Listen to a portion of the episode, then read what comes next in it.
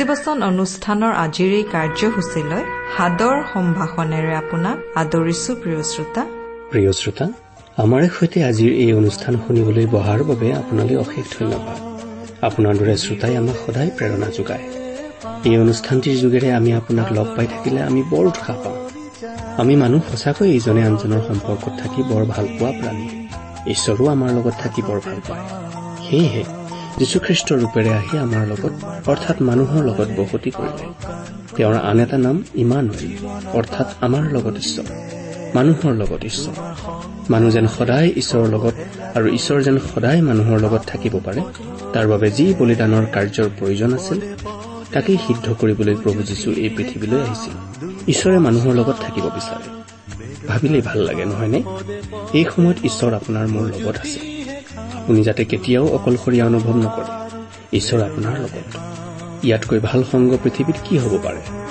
এই লগৰীয়া ঈশ্বৰৰ বিষয়ে অধিককৈ জানিবলৈ আহক আজিৰ ভক্তিবচন অনুষ্ঠানসমূহ।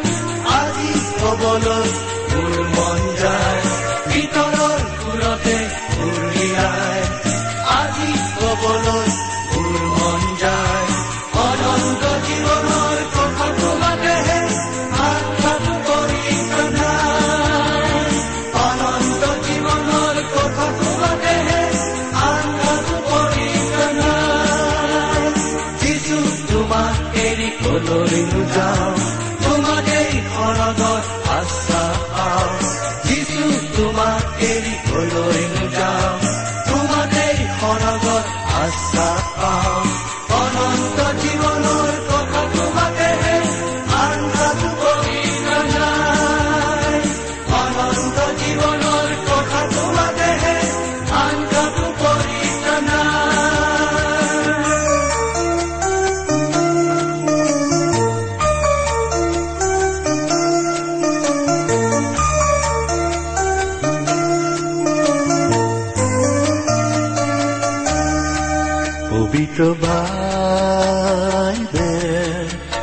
হাততে লৈ যেতিয়া ধ্যান কৰো মূৰটোৱাই তোমাৰ আগত। প্ৰাৰ্থনা যেতিয়া কৰো যিছু তোমাক মোৰ কাষতে পাওঁ তোমাৰ মধুৰ স্বৰ শুনিবলে পাওঁ। দুভাগৰ মই পাহৰি যাওঁ সৰগৰ শান্তি হাততে তোমাৰ বাক্যলে আওকাণ কৰি জীৱনৰ বাট তুলিলে তোমাৰ সংগলে অৱহেলা কৰি আপোন পধৰিলে পদে পদে মই উজুতিহে খাওঁ দুখ কষ্ট আৰু বেদনাহে পাওঁ। পদে পদে মই উজুতিহে খাওঁ দুখ কষ্ট আৰু বেদনাহে পাওঁ।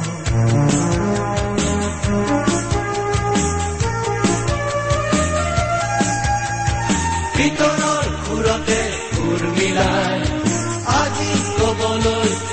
মন যায় ভিতৰৰ সুৰতে সুৰ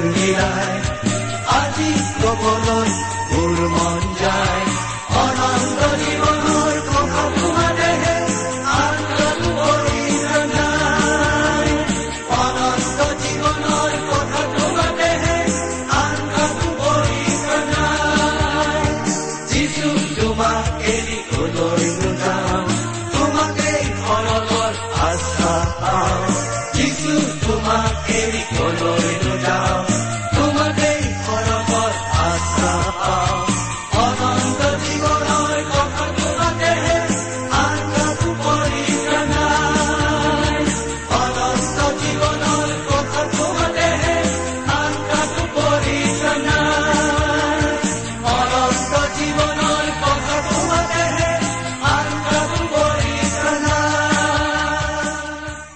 পৰিত্ৰাতা প্ৰভু যীশু খ্ৰীষ্টৰ নামত নমস্কাৰ প্ৰিয় শ্ৰোতা। এয়া ভক্তিবচনৰ যোগেদি প্ৰচাৰ কৰি থকা আমাৰ নিয়মীয়া বাইবেল অধ্যয়নৰ অনুষ্ঠান। আপোনালোকে নিশ্চয় অধীৰ আগ্ৰহেৰে চাগে আপোনালোকৰ অনাতাৰ যন্ত্ৰটোৰ ওচৰত বহি আছে এই অনুষ্ঠানটো শুনিবলৈ। লগতে যদিহে আপোনাৰ বাইবেলখনো হাতত আছে তেন্তে বৰ ভাল কথা। যদি আপোনাৰ হাতত বাইবেলখন নাই বা আপোনাৰ ঘৰতো নাই তেন্তে আপোনাক আমি অনুৰোধ কৰিছো যেন আপুনি সেই কথা আমাক চিঠিৰে জনাই ঈশ্বৰে বিচাৰে সৃষ্ট জীৱৰ ভিতৰত শ্ৰেষ্ঠ মানৱ সন্তানৰ প্ৰত্যেকেই তেওঁৰ বচন শুনক আৰু তেওঁক জানক আৰু জানি তেওঁক গ্ৰহণ কৰক তেওঁৰ সন্তান হওক। সেয়ে প্ৰিয় শ্ৰোতা আপুনি যদি আজি আমাৰ অনুষ্ঠান নিয়মীয়াকৈ শুনিবলৈ চেষ্টা কৰি আছে তেন্তে আপোনাক আমি অনুৰোধ কৰিছো যেন আপুনি সেই চেষ্টা কেতিয়াও নেৰে আৰু লগতে আপুনি বাইবেলখনো সংগ্ৰহ কৰি ল'বলৈ চেষ্টা নেৰে। আপুনি নিশ্চয় সেই কাম কৰিব। অনুষ্ঠান প্ৰচাৰক হিচাপে আমি শ্ৰোতাসমূহৰ পৰা সদায় দিহা পৰামৰ্শ আশা কৰো আৰু সেইকাৰণে আমি আপোনালোকৰে সৈতে যোগাযোগ ৰাখিবলৈ চেষ্টা কৰো। আহক প্ৰিয় শ্ৰোতা আজিৰ পাঠ আৰম্ভ কৰাৰ পূৰ্বে আমি একেলগে ঈশ্বৰক ধন্যবাদ দি তেওঁৰ পৰা সহায় ভিক্ষা কৰো। আহক আমি প্ৰাৰ্থনা কৰো পৰম কৰোণাময় পিতৃ ঈশ্বৰ জিহুৱা আপোনাক ধন্যবাদ কৰো আপোনাৰ গৌৰৱ কৰো আপোনাৰ স্তুতি কৰো আপোনাৰ নামৰ প্ৰশংসা কৰো। আজিৰ এই দিন আৰু সুযোগৰ বাবে আপোনাক আমি ধন্যবাদ জনাইছো। আপুনি আমাৰ সকলোকে সুন্দৰ কুশলে মঙলে চলাই আনিছে তাৰ বাবেও আপোনাক ধন্যবাদ দিওঁ। এতিয়া আমাৰ বিশেষ প্ৰাৰ্থনা প্ৰভু আমাৰ এই বাইবেল অধ্যয়নৰ সময়খিনি প্ৰত্যেকৰ বাবে আশীৰ্বাদপূৰ্ণ হওক। বিশেষকৈ আমাৰ সকলো শ্ৰোতাকে সহায় কৰক অ তেওঁলোকক জ্ঞান দিয়ক যেন আজিৰ পাঠৰ পৰা তেওঁলোকে আপোনাক অধিককৈ জানিব পাৰিব। শ্ৰোতাসকলৰ কোনোবাই যদি অসুস্থ অৱস্থাৰে শুনিছে প্ৰভু তেওঁক যেন আপুনি সুস্থতা দান কৰে আমি তেনে প্ৰাৰ্থনা আপোনাৰ চৰণত ৰাখিছো। আমাকো আপুনি সহায় কৰক যেন আপোনাৰ বাক্য আমি আলোচনা কৰি বুজিবলৈ পাৰো আৰু শ্ৰোতাসকলকো আমি বুজাব পাৰো। এই সকলো প্ৰাৰ্থনা আমাৰ পৰিত্ৰাতা প্ৰভু নাচৰতীয় যীশুৰ নামত যাচনা কৰিছো। আমেন। আহক প্ৰিয় শ্ৰোতা আমি আজিৰ পাঠ অধ্যয়ন কৰো হওক। আপোনালোকে নিশ্চয় যোৱা পাঠত যীশুখ্ৰীষ্টই ক্ৰছত সত্ৰ হৈ কেনেদৰে মানুহ আৰু ঈশ্বৰৰ মাজত এটা সাঁকোৰ সৃষ্টি কৰিছে সেয়া আপুনি জানিবলৈ পাৰিলে। হয় প্ৰিয় শ্ৰোতা এতিয়া আমি নিঃসন্দেহে বিশ্বাস কৰিব লাগে যে প্ৰভু যীশু আমাৰ মাজৰ ব্যক্তিজন তেওঁৱেই আমাক ঈশ্বৰে সৈতে মিলন কৰোতাজন তেওঁ আমাৰ মিলনকাৰী। কাৰণ যীশুখ্ৰীষ্টৰ বাহিৰে আন কাৰো যোগেদি আমি পিতৃ ঈশ্বৰৰ সৈতে মিলন হ'ব নোৱাৰো আমি তেওঁৰ কাষ চাপিব নোৱাৰো। যীশুখ্ৰীষ্টই হৈছে একমাত্ৰ পথ কাৰণ তেওঁক ঈশ্বৰেই মনোনীত কৰি পঠিয়াইছিল সেইদৰে। আজি আমি পাঠ কৰিম কলিচিয়া এক অধ্যায়ৰ চৌবিশ পদৰ পৰা ঊনত্ৰিশ পদলৈকে আৰু তাৰ ওপৰতে আমি আজিৰ অধ্যয়ন চলাম। আজিৰ পাঠত আমি গুৰুত্ব সহকাৰে বুজিবলৈ চেষ্টা কৰিম যীশুখ্ৰীষ্টই কেনেদৰে তেওঁৰ সন্ত বা মণ্ডলীৰ নেতাসকলৰ কাৰণে দুখ ভোগ কৰিছিল। এক অধ্যায় চৌবিশ পদটো সেয়ে পাঠ কৰিছো। এতিয়া তোমালোকৰ কাৰণে মোৰ যি দুখ ভোগ তাতেই মই আনন্দ কৰিছো আৰু খ্ৰীষ্টৰ নানা ক্লেশৰ অৱশিষ্টখিনি তেওঁৰ শৰীৰ অৰ্থাৎ মণ্ডলীৰ কাৰণে মোৰ মাংসত পূৰ্ণ কৰিছো। ইয়াত পৌলে সৰল অৰ্থত কৈছে মই কষ্টৰ মাজতো তোমালোকৰ কাৰণে আনন্দ কৰিছো। যেনেদৰে খ্ৰীষ্টই মণ্ডলীৰ কাৰণে দুখ ভোগ কৰিছিল। যীশুখ্ৰীষ্টই দুখ ভোগ কৰা কষ্টৰ লগত প্ৰভুৰ কষ্টৰ তুলনা দিব পৰা যায়। তেওঁ শাৰীৰিকভাৱে যাতনা পাইছিল খ্ৰীষ্টৰ শৰীৰৰ বাবেই। ইয়াৰ অৰ্থ এইটো নহয় যে খ্ৰীষ্টই কম যাতনা ভোগ কৰাৰ বাবে বাকী থকা যাতনা পৌলে ভোগ কৰিবলগীয়া হৈছিল। সেই ধাৰণাটো হ'ল যিহেতু খ্ৰীষ্টই আমাৰ বাবে কষ্ট ভোগ কৰিছিল সেয়ে পৌলেও কষ্ট ভোগ কৰিছিল। এনেদৰে প্ৰত্যেকজন বিশ্বাসকাৰীয়ে কষ্ট ভোগ কৰিব লাগে। যেতিয়া পৌল বা আমি বা যিকোনোৱে নহওক কিয় খ্ৰীষ্টৰ কাৰণে যাতনা সহ্য কৰে। তেতিয়াহে খ্ৰীষ্টৰ কষ্ট দুখ ভোগ আৰু তেওঁৰ তাৰণাৰ তেওঁলোকেও সমভাগী হয়। তেওঁলোকেও তেওঁৰ কাৰণে সেই কাম মণ্ডলীৰ কাৰণেই কৰে। এনেদৰেই যীশুখ্ৰীষ্টৰ জীৱন আমাৰ প্ৰত্যেকৰে কাৰণে এটা কেন্দ্ৰবিন্দু হোৱা উচিত। কলচীয়া দুই অধ্যায় নয় পদত আমি পঢ়িবলৈ পাওঁ কিয়নো তেওঁত ঈশ্বৰত্বৰ সকলো সম্পূৰ্ণতা শাৰীৰিক ৰূপে নিবাস কৰে। আৰু তোমালোক তেওঁতেই পূৰ্ণ আছা। সকলোৰে কেন্দ্ৰবিন্দু তেওঁৱেই। তেওঁ আমাৰ বাবেই সকলো সহ্য কৰিলে।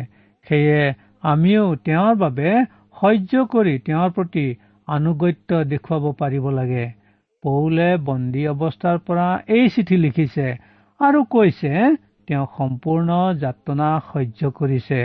অননীয়ৰ জৰিয়তে ঈশ্বৰে ঘোষণা কৰিছিল পৌলক কিয় বাছনি কৰা হল বা তেওঁক কিয় নিৰ্বাচিত কৰা হল? পৌলে এতিয়া বন্দীশালৰ পৰা কৈ আছে যে ঈশ্বৰে যি উদ্দেশ্যেৰে তেওঁক মাতিছিল সেয়া তেওঁ সম্পূৰ্ণ কৰিছে। প্ৰিয় শ্ৰোতা এইখিনিতে এটা কথা আমি প্ৰত্যেকেই মনত ৰখা উচিত যে পৌলৰ কষ্টভোগ আমাৰ পৰিত্ৰাণৰ লগত কোনো সম্পৰ্ক নাই। সেয়ে তেওঁ যীশুখ্ৰীষ্টৰ কষ্টভোগৰ ক্ষেত্ৰত সদায় ক্ৰোচৰ মৃত্যু আৰু বলিদানৰ তেজ এই শব্দবোৰ ব্যৱহাৰ কৰে। এইখিনিতে আমি দুই ধৰণৰ কষ্টভোগৰ কথা ক'ব পাৰো। এটা হৈছে পৰিচৰ্যা সম্পৰ্কীয় আনটো হৈছে মধ্যস্থতাকাৰীৰ যন্ত্ৰণা। যীশুখ্ৰীষ্টই আমাৰ কাৰণে মধ্যস্থতাকাৰীৰ যন্ত্ৰণাহে ভোগ কৰিছিল।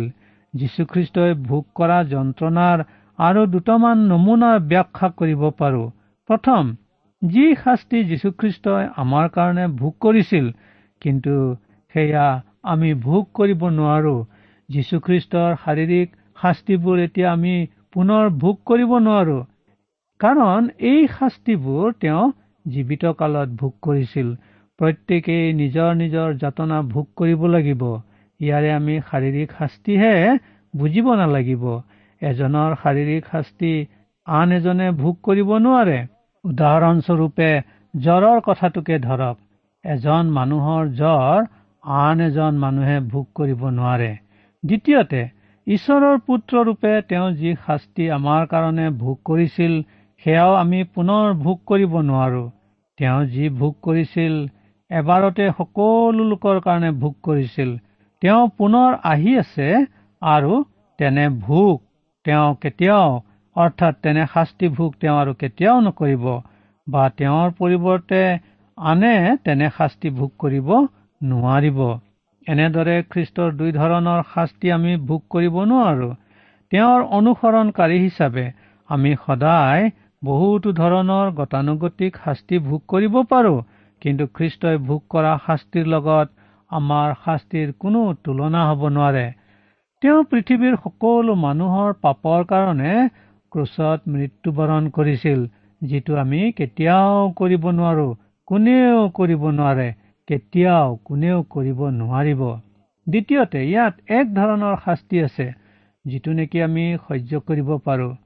চৌবিশ পদত পৌলে সেই শাস্তিকে ভোগ কৰিছে। সত্য কথা কোৱাৰ কাৰণেও কেতিয়াবা আমি শাস্তি পাব লগা হ'ব পাৰে। যীশুখ্ৰীষ্টই সদায় সঁচা কথাকে কৈছিল কিন্তু তৎসত্বেও ধৰ্মীয় নেতাসকলে তেওঁক মাৰিবলৈ ওলাইছিল। ইয়াক ধাৰ্মিকতাৰ কাৰণে ভোগ কৰা শাস্তি বুলি ক'ব পাৰি। ঈশ্বৰে আমাক এই বুলি সোঁৱৰাইছে আৰু ধৰ্মৰ কাৰণে যদিও দুখ ভোগ কৰিব লগা হয় তথাপি তোমালোক ধন্য প্ৰথম পিতৰ তিনি অধ্যায় চৌধ্য পদ। পৌলে তিমঠিয়ক সোঁৱৰাই দিছিল বাস্তৱিক খ্ৰীষ্ট যীশুৰ ভক্তিৰ বাবে জীৱন ধাৰণ কৰিবলৈ ইচ্ছা কৰা সকলোবিলাকে তাৰণা পাব। দ্বিতীয় তিমঠিয় তিনি অধ্যায় বাৰ পদ। প্ৰিয় শ্ৰোতা আমাৰ চাৰিওফালৰ পৰিস্থিতি দেখিলে আমি হতাশ হবলগীয়া হয়। বিখ্যাত খেলুৱৈসকলক প্ৰশংসা কৰা হৈছে ৰাজনীতিবিদসকলক প্ৰশংসা কৰা হৈছে কলেজৰ শিক্ষক শ্ৰেণীক প্ৰশংসা কৰা হৈছে কিন্তু প্ৰচাৰকসকলক বা ঈশ্বৰৰ মানুহবোৰক কতো প্ৰশংসা কৰা হোৱা নাই। খ্ৰীষ্টত একত্ৰ হোৱা প্ৰত্যেকজনৰে পৌলৰ দৰে একে অভিজ্ঞতা হৈছে। আমি তোমাৰ নিমিত্তে ওৰে দিনটো হত হবই লাগিছো। কাটিবলৈ নিয়া মেৰৰ দৰে আমি গণিত হলো। ৰুমিয়া আঠ অধ্যায় ছয়ত্ৰিশ পদ। কিন্তু আমাৰ এটা সান্তনা আছে। প্ৰভু যীশুৱে কৈছে জগতে যদি তোমালোকক ঘৃণাই তেন্তে জানিব লাগে যে তোমালোকৰ আগেয়ে মোকেই ঘৃণালে। জোহন পোন্ধৰ অধ্যায় ওঠৰ পদ। জগতে বিশ্বাসকাৰীসকলক ঘৃণাব। কাৰণ তেওঁলোক এই জগতৰ নহয়। বিশ্বাসকাৰীসকল এই জগতৰ নিয়মত জীৱন ধাৰণ কৰাহেঁতেন। তেওঁলোক ঘৃণাৰ পাত্ৰ নহলহেঁতেন। পৌলৰ অভিজ্ঞতাৰ কথা আমি মনত ৰাখিব পাৰো। তেওঁৰ আগত যীশুখ্ৰীষ্টই থিয় হৈ কৈছিল চৌল চৌল তুমি মোক কিয় তাৰণা কৰিছা? তেতিয়া পৌলে বিমূৰত পৰিছিল কাৰণ তেওঁ খ্ৰীষ্টৰ বিশ্বাসকাৰীসকলকহে তাৰণা কৰিছিল। তেওঁ কেতিয়াও খ্ৰীষ্টক তাৰণা কৰা বুলি ভবা নাছিল। পাছতহে তেওঁ বুজি পাইছিল যে তেওঁ স্বৰূপেই যীশুখ্ৰীষ্টকহে তাৰণা কৰিছিল। পিতৰৰ কথাটো আমাৰ সান্তনাৰ উৎস হৈ আছে। তেওঁ এইদৰে কৈছে হে প্ৰিয়বিলাক তোমালোকৰ পৰীক্ষাৰ অৰ্থে তোমালোকৰ মাজত যি জুই জ্বলিছে সেয়ে তোমালোকলৈ অসম্ভৱ ঘটনা ঘটিছে বুলি তাৰ বিষয়ে তোমালোকে আশ্বৰিত নামানিবা। বৰং যি পৰিমাণে খ্ৰীষ্টৰ দুখভোগৰ সহভাগী হৈছা সেই পৰিমাণে আনন্দ কৰা যেন তেওঁৰ গৌৰৱ প্ৰকাশিত হোৱা কালত তোমালোকে আনন্দেৰে উল্লাস কৰিব পাৰা। দ্বিতীয় পিতৰ চাৰি অধ্যায় বাৰ আৰু তেৰ পদ। প্ৰিয় খ্ৰীষ্ট বিশ্বাসকাৰীসকল আজি যদি খ্ৰীষ্টৰ শুভবাৰ্তা বিয়পিব লাগে তেন্তে কোনোবাই নিশ্চয় ইয়াৰ বাবে কষ্ট ভোগ উঠাব লাগিব। শুভবাৰ্তা প্ৰচাৰত হ'ব লগা কষ্ট বা তাৰণা যদিহে আমি সহ্য কৰিব নোৱাৰো তেন্তে কোনো সুফল নহ'ব কোনো মানুহে পৰিত্ৰাণ নাপাব। এক অধ্যায় পঁচিছ পদ। ঈশ্বৰৰ যি বাক্য অৰ্থাৎ যি নিগুৰ তত্ব যুগে যুগে আৰু পুৰুষে পুৰুষে গুপ্ত আছিল কিন্তু এতিয়া তেওঁৰ পবিত্ৰ লোকৰ আগত প্ৰকাশিত হৈছে। পৌলে ইয়াত পোনপটীয়াকৈ যীশুখ্ৰীষ্টৰ পূৰ্ব আৱিৰ্ভাৱৰ কথাটোকে ব্যক্ত কৰিছে। তেওঁৰ জন্ম সকলো সৃষ্টি জীৱৰ আগত যদিও এই শেষ কালতহে ঈশ্বৰে তেওঁক আমাৰ বা বিশ্বাসকাৰীসকলৰ আগত প্ৰকাশ কৰিছে। সেই ফালৰ পৰা চাবলৈ গ'লে পূৰ্বৰ লোকসকলতকৈ আমি বহু গুণে সৌভাগ্যৱান। কাৰণ তেওঁবিলাকৰ বহুতেই খ্ৰীষ্টক চাব খুজিছিল কিন্তু চাবলৈ পোৱা নাছিল। তেওঁৰ বিশ্বাসকাৰীসকলক পবিত্ৰ বুলি তেওঁ সম্বোধন কৰিছে যীশুখ্ৰীষ্টই এতিয়া পবিত্ৰ লোকৰ আগত প্ৰকাশিত হৈছে। সেইকাৰণে ঈশ্বৰে সকীয়াই দিছে তোমালোকে পবিত্ৰ হ'ব লাগে কাৰণ তোমালোকৰ ঈশ্বৰ যে মই ময়েই পবিত্ৰ। প্ৰিয় শ্ৰোতা আমাক পবিত্ৰ বুলি যেনেদৰে কৃষ্টই আমাৰ আগত প্ৰকাশিত হৈছে তেনেদৰে আমি যেন সকলো সময়তে তেওঁৰ দৃষ্টিত হৈ পবিত্ৰ হৈ চলিব পাৰো। এতিয়া ছাব্বিছ পথ সেই বাক্য সম্পূৰ্ণকৈ প্ৰচাৰ কৰিবলৈ তোমালোকৰ কাৰণে মোক ঈশ্বৰে ঘৰগিৰি বাবৰ দৰে মই সেই মণ্ডলীৰ পৰিচাৰক হৈছো। প্ৰিয় শ্ৰোতা এইখিনিতে আপোনালোকক জনাব খোজো যে ঈশ্বৰে প্ৰতিজ্ঞা কৰা নিগুৰ তত্ত্ব এই পৃথিৱীত যীশুখ্ৰীষ্টৰ যোগেদিহে প্ৰকাশ কৰা হৈছে। ঈশ্বৰে পূৰ্বতে এনেদৰে প্ৰতিজ্ঞা বা ভৱিষ্যবাণী কৰিছিল যাৰ বহিৰ প্ৰকাশ আমি আন কাৰোৰ যোগেদি নহয় কিন্তু যীশুখ্ৰীষ্টৰ জীৱনতহে দেখা পাওঁ। কিছুমানৰ এনে ধাৰণা থাকিব পাৰে যে ঈশ্বৰৰ নিগুৰ তত্ত্ব বা ৰহস্য হল পৰজাতিবিলাকক পৰিত্ৰাণ কৰা। পৰজাতি বা অমনোনীত জাতি বুলিলে আমি এতিয়া কি বুজি পাওঁ? সাধাৰণতে তেওঁবিলাকৰ পৰিত্ৰাণৰ কোনো উপায় নথকাটোকেই নুবুজোনে বাৰু? এতিয়া চাওক ঈশ্বৰৰ আচল ৰহস্য। ঈশ্বৰৰ মতে পৰজাতি বা মনোনীত জাতি কোনেও নিজৰ প্ৰচেষ্টাত পৰিত্ৰাণ পাব নোৱাৰে। পৰিত্ৰাণৰ কাৰণে যে যীশুখ্ৰীষ্টৰ পবিত্ৰ তেজৰ সহায় লাগিবই সেয়াই ঈশ্বৰৰ নিগুৰ তত্ত্ব বাক্য। এই ৰহস্য বা নিগুৰ তত্ত্ব মতে পৰিত্ৰাণ সকলোৰে কাৰণেই সম্ভৱ। প্ৰত্যেকেই হেৰুৱা প্ৰত্যেকেই পাপী প্ৰত্যেক মানুহেই ঈশ্বৰৰ গৌৰৱ বা পৰিত্ৰাণৰ পৰা আঁতৰি গৈছে বা বিচ্ছেদ হৈছে। এতিয়া ঈশ্বৰে দুয়োকে পৰজাতি আৰু মনোনীত জাতি সকলোকে প্ৰত্যেককে খ্ৰীষ্টৰ চৰণৰ তলত একগোট কৰিব বিচাৰিছে। এই ব্যৱস্থাটো পুৰণি নিয়মত পোৱা নাযায়। পুৰণি নিয়মত এই নিগুৰ ঈশ্বৰে প্ৰকাশ কৰা নাই। কিন্তু যীশুখ্ৰীষ্টৰ যোগেদি এই ৰহস্য এতিয়া আমাৰ প্ৰত্যেকৰে আগত প্ৰকাশিত হৈছে। এতিয়া সাধু পৌলৰ উদ্দেশ্য বা তেওঁৰ কৰ্ম কি সেয়া আমি উপলব্ধি কৰিব পাৰিছো হওক। তেওঁ ঘৰগিৰিৰ বাপ পোৱা বুলি প্ৰকাশ কৰিছে। ঈশ্বৰে তেওঁক সেই পদবী বা দায়িত্ব দিছে। আৰু সেইকাৰণেই তেওঁৰ যোগেদি পৰজাতিবিলাকে পৰিত্ৰাণ পাইছে। ঈশ্বৰে যে অকল পৌলকহে এনে নিগুৰ তত্ব বুজিবলৈ শক্তি দিলে এনে নহয় বৰঞ্চ সেই কালৰ সকলো সাধু বা বিশ্বাসকাৰীসকলকো তেনে ক্ষমতা বা দায়িত্ব দিছে আৰু আজি আমাকো সেই দায়িত্ব তেওঁ অৰ্পণ কৰিছে। সাতাইশ পদ। পৰজাতিবিলাকৰ মাজত সেই নিগুৰ তত্বৰ প্ৰতাপ ধন কি? তাক সেই পবিত্ৰবিলাকক জনাবলৈ ঈশ্বৰে মনস্থ কৰিলে সেই ধন তোমালোকত থকা খ্ৰীষ্ট তেওঁই প্ৰতাপৰ আশা। এতিয়া পৌলে স্পষ্টকৈ কব পাৰিছে যে খ্ৰীষ্টৰ প্ৰৱেশ য'তেই হৈছে ততেই পোহৰ বা প্ৰতাপ দেখা পোৱা গৈছে। সেই ধন তোমালোকৰ থকা খ্ৰীষ্ট তেওঁই প্ৰতাপৰ আশা।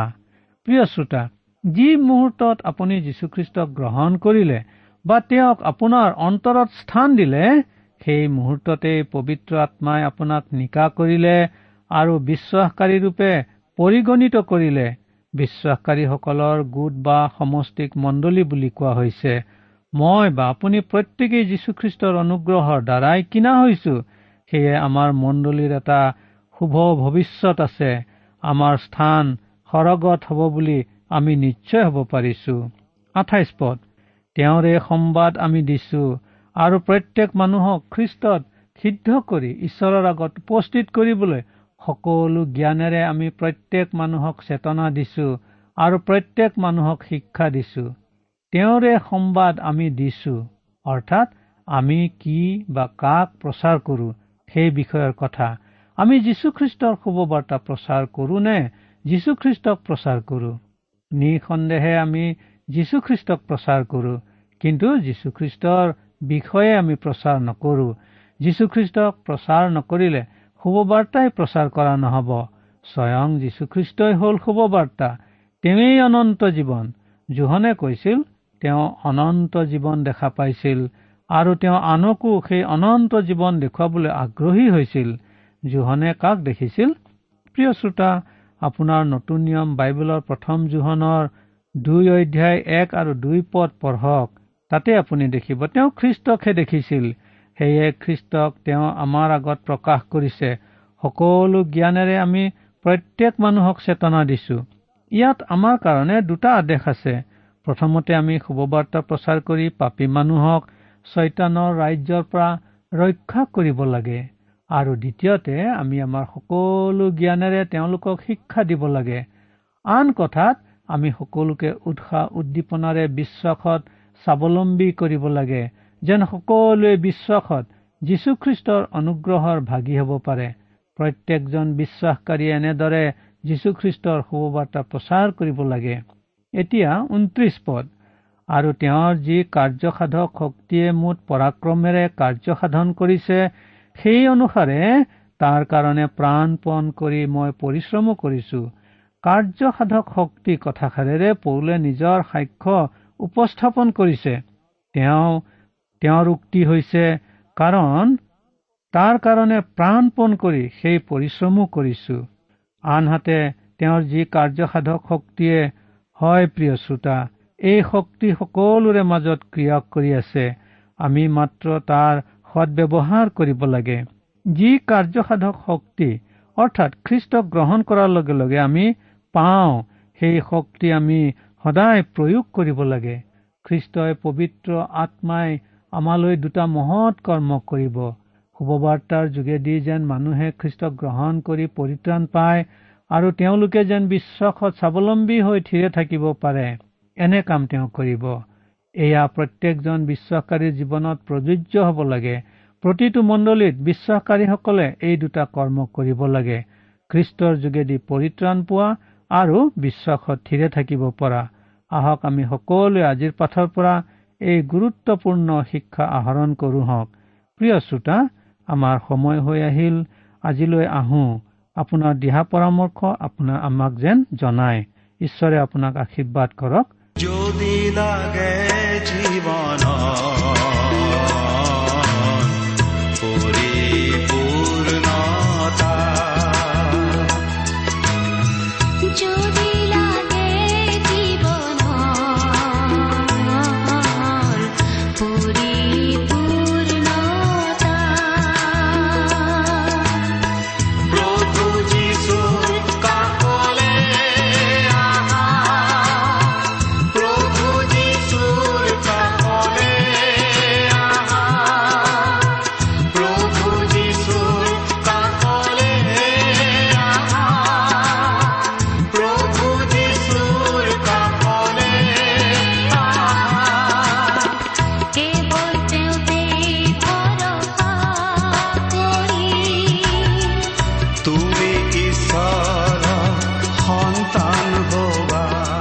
ইমান পৰে আপুনি ঈশ্বৰৰ বাক্যৰ পৰা শিক্ষা শুনিলে। এই বিষয়ে আপোনাৰ মতামত জানিবলৈ পালে আমি নথৈ আনন্দিত হ'ম।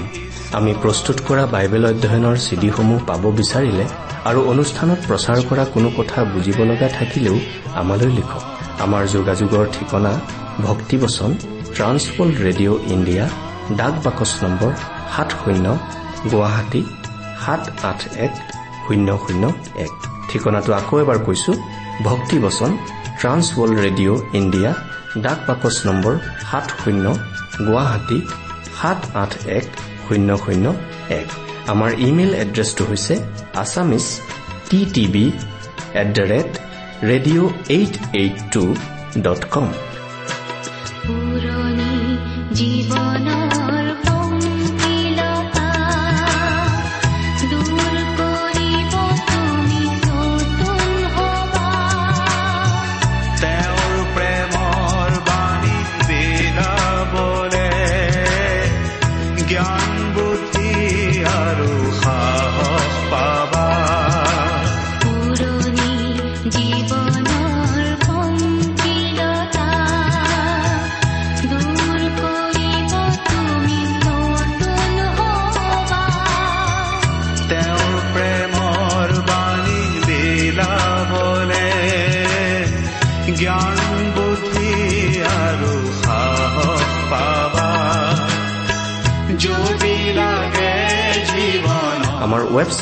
W W W dot T W R dot in আপুনি টেলিফোনৰ মাধ্যমেৰেও আমাক যোগাযোগ কৰিব পাৰে।